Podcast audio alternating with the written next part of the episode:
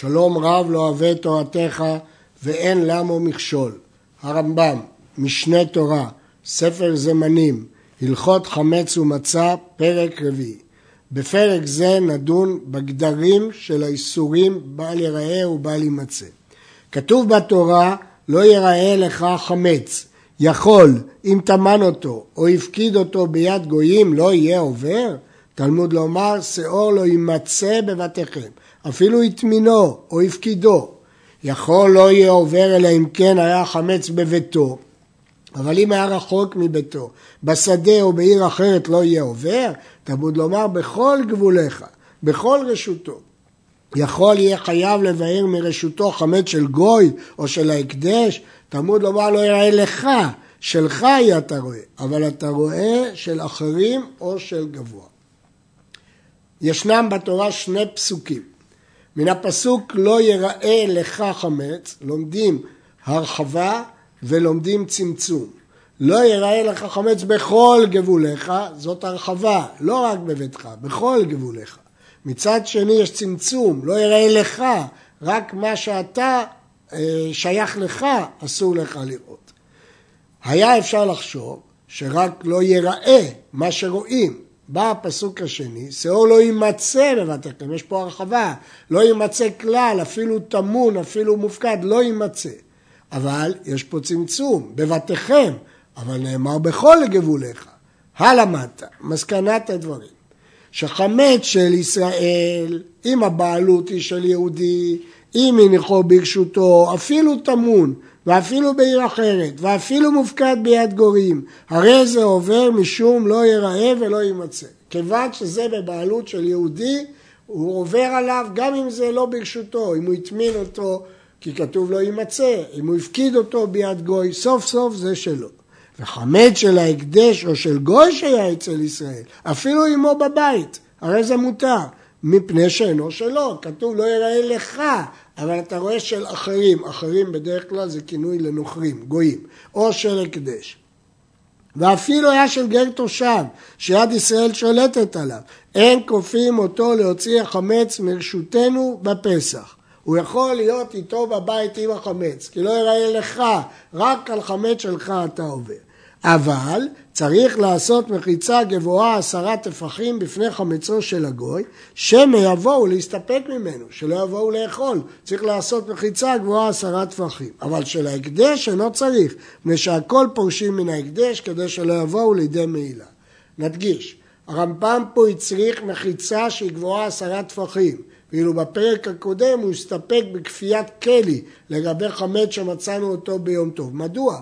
מדוע פה הוא דורש מחיצה גבוהה עשרה טפחים ושם הוא הסתפק בכלי? מסביר הכסף משנה, שם זה לשעה קלה עד מוצאי יום טוב, ואילו פה זה פיקדון, שנית פיקדון יכול להיות כמות גדולה, לכן לא הסתפקו בכלי אלא דרשו מחיצה גבוהה עשרה טפחים.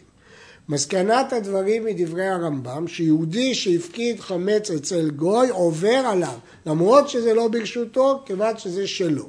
הרמב"ן חולק על כך, גם בפירושו לתורה וגם בחידושיו, וסובר שכדי לעבור צריך שני תנאים, גם שלו וגם ברשותו. אבל אם החמץ שלו מופקד ביד גוי, הוא אמנם שלו, אבל הוא לא ברשותו, ולכן הוא לא יעבור עליו. ישנה מחלוקת של גאונים אם חמץ של יהודי מופקד אצל יהודי, מי עובר עליו.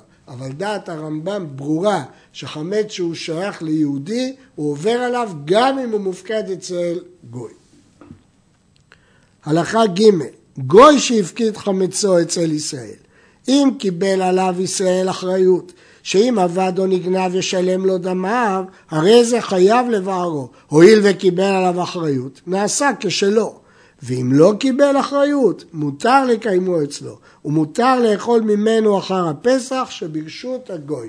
למדנו בהלכה הקודמת, לא יראה לך, אבל אתה רואה של אחרים. אם החמץ שייך לגוי והוא הכניס אותו לרשותך, אתה לא חייב לבערו, אבל יש תנאי, שלא קיבלת אחריות.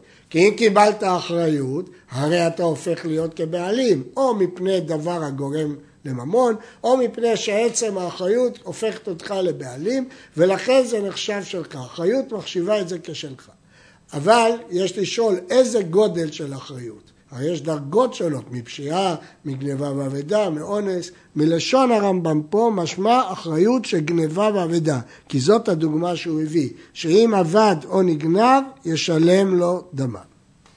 גוי עלם שהפקיד חמצו אצל ישראל, אם יודע ישראלי שאם עבד או נגנב מחייבו לשלמו, וחופהו ואונסו לשלם, ואף על פי שלא קיבל אחריות, הרי זה חייב לבערו, שהרי נחשב כאילו הוא שלו, מפני שמחייבו האנס באחריותו. אם כן, הרמב"ם מדגיש שגוי עלם שהפקיד חמצו אצל ישראל, למרות שבפועל חוקית הישראל לא חייב באחריות, אבל מעשית אם זה ייגנב או יאבד, הגוי יחייב אותו לשלם. אם כן, למרות שמבחינה חוקית הוא לא חייב, היות שמבחינה מעשית הוא יחייב לשלם, נחשב הדבר כאילו אחריות והוא חייב לשלם. הדברים האלה של הרמב"ם הם פירושו לגמרא, למה שכתוב, בעירו חמירו דבני חלה כיוון דאילו מיגניב ברשותייך הוא. והוא הבין שזה נקרא בפועל אחריות. אבל הרעב"ד לא פירש כך. הרעב"ד פירש את הגמרא באופן שונה, והוא סובר שמי שקיבל אחריות רק באונס אינו עובר על בל ייראה ובל יימצא. עלינו להדגיש עוד הדגשה. הרמב"ם לא הזכיר מושג שנקרא ייחד לו בית. הרמב"ם לא קיבל את אה, ההלכה שאם גוי הפקיד לו אצלו וייחד לו בית, הדין משתנה. אלא הדין לפי הרמב"ם תלוי רק בדבר אחד, אם הוא קיבל אחריות או אם הוא לא קיבל אחריות. לעומת זאת, ראשונים אחרים חולקים בדבר. ישראל, שהרהין חמצו אצל הגוי. דהיינו, הגוי ילווה ליהודי כסף, וכיוון שהגוי ילווה ליהודי כסף, היהודי הרהין, משכן את החמץ בתור משכון. אם אמר לו, אם לא הבאתי לך מעות מכאן ועד יום פלוני, קנה חמץ זה מעכשיו, הרי זה ברשות הגוי. ואותו חמץ מותר לאחר הפסח. והוא, שיהיה הזמן שקבע לו קודם הפסח. הרמב"ם דורש שני תנאים שיגרמו שלמרות שהחמץ הוא של יהודי, הוא לא יעבור עליו. כיוון שהוא משכן אותו אצל הגוי. מה עם שני התנאים? האחד, שהוא קבע לו שאם הוא לא ישלם לו, החמץ קנוי לו מעכשיו. עכשיו שני תנאים, א', שהוא אמר את המילה מעכשיו, כדי שזה לא יהיה אסמכתא בעלמא, אלא קניין גמור, ב', שזה יחול לפני הפסח. אז, אה, לפי הרמב"ם, הישראל לא עובר עליו. ואם לא אמר לו, קנה מעכשיו, נמצא יותר חמץ, כאילו הוא פיקדון אצל הגוי, ואסור בהניה לאחר הפסח. הראב"ד ומפרשים אחרים חולקים על הרמב"ם ואומרים שלא צריך להגיד מעכשיו כי אין דין אסמכתא בגוי. שנית, לא צריך שהזמן יהיה לפני הפסח, כי אם הוא אמר מעכשיו, כפי שהרמב"ם דרש, אז זה תנאי. אם כן, מה אכפת לי שהתנאי יחול אם אחר הפסח ייגנב וישלם, או יצטרך לשלם כי הוא לא ישלם את ההלוואה. סוף סוף הכל יחול מעכשיו למפרע, ואם זה יחול למפרע, אז זה שייך לגוי מעכשיו. אומרים האחרונים, מתרצים את הרמב"ם, לא כך.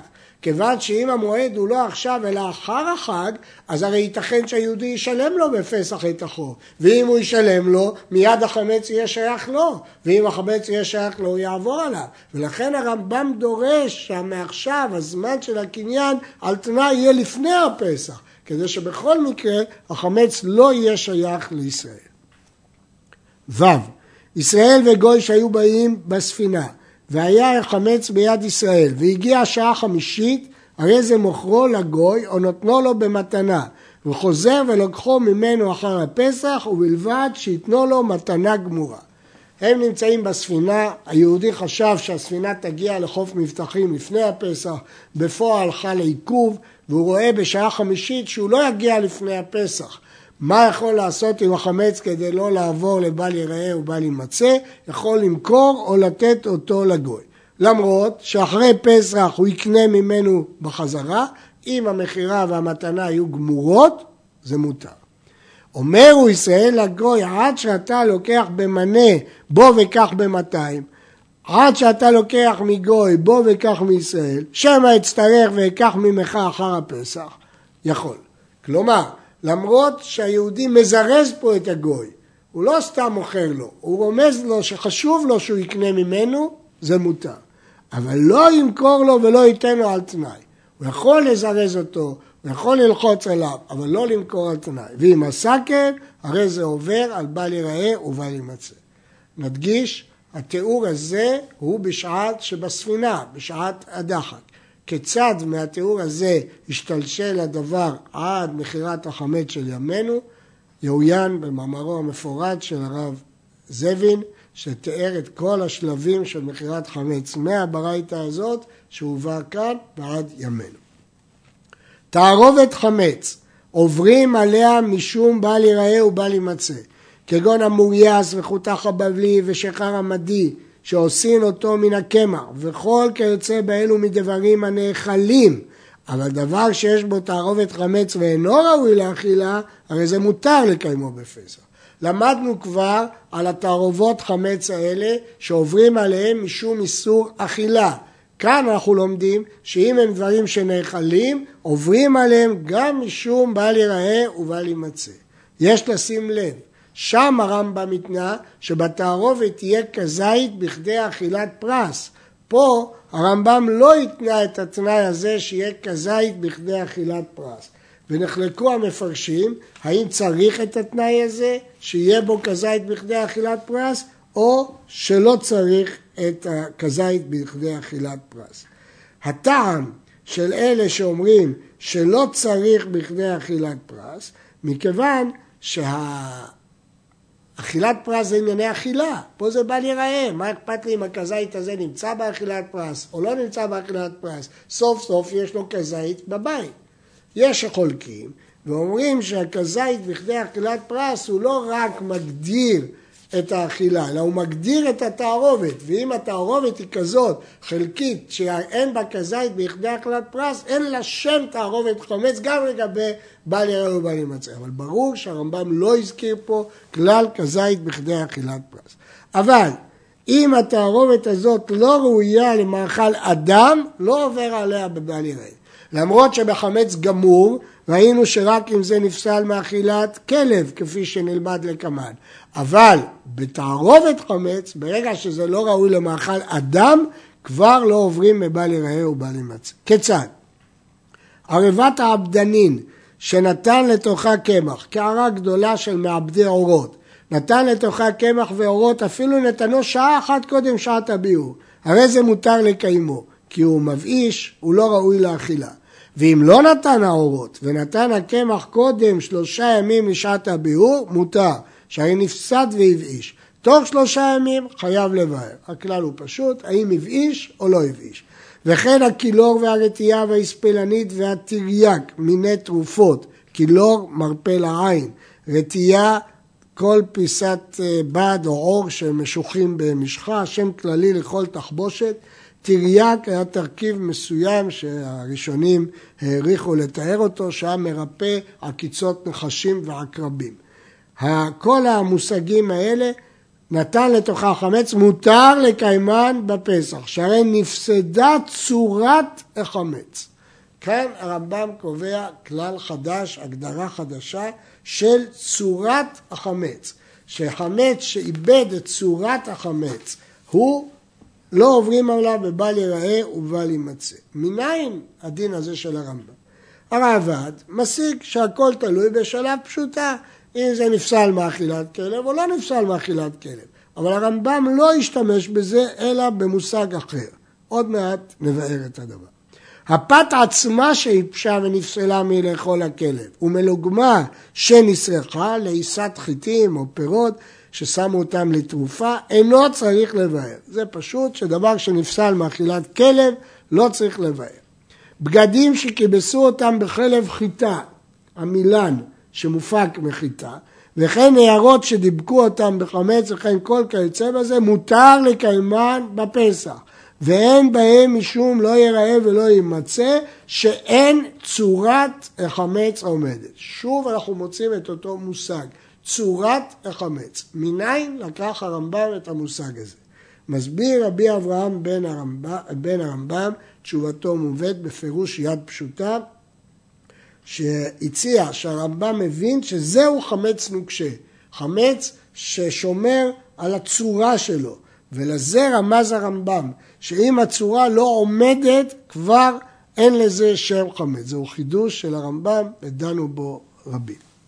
דבר שמתערב בו חמץ ואינו מאכל אדם כלל, או אינו מאכל כל אדם, כגון תרי"ג וכיוצא בו, אף על פי שמותר לקיימו, אסור לאוכלו עד אחר הפסח.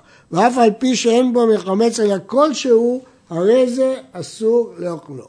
ובכן, מדגיש הרמב"ם, כל מה שדיברנו פה זה רק על דין בל ייראה ובל יימצא, לא על דין אכילה, כי ברגע שאתה אוכל אתה מחשיב את זה, ולכן כאן כל הדינים שאמרנו קודם לא שייכים, כי שוב החשבת את זה לאוכל, ולכן אה, אתה עובר על אכילת חמץ. לגבי מה שאומר במשהו, אני מזכיר שזה מדרבנן, כי לגבי דין תורה הרמב"ם דרש כזית בכדי אכילת.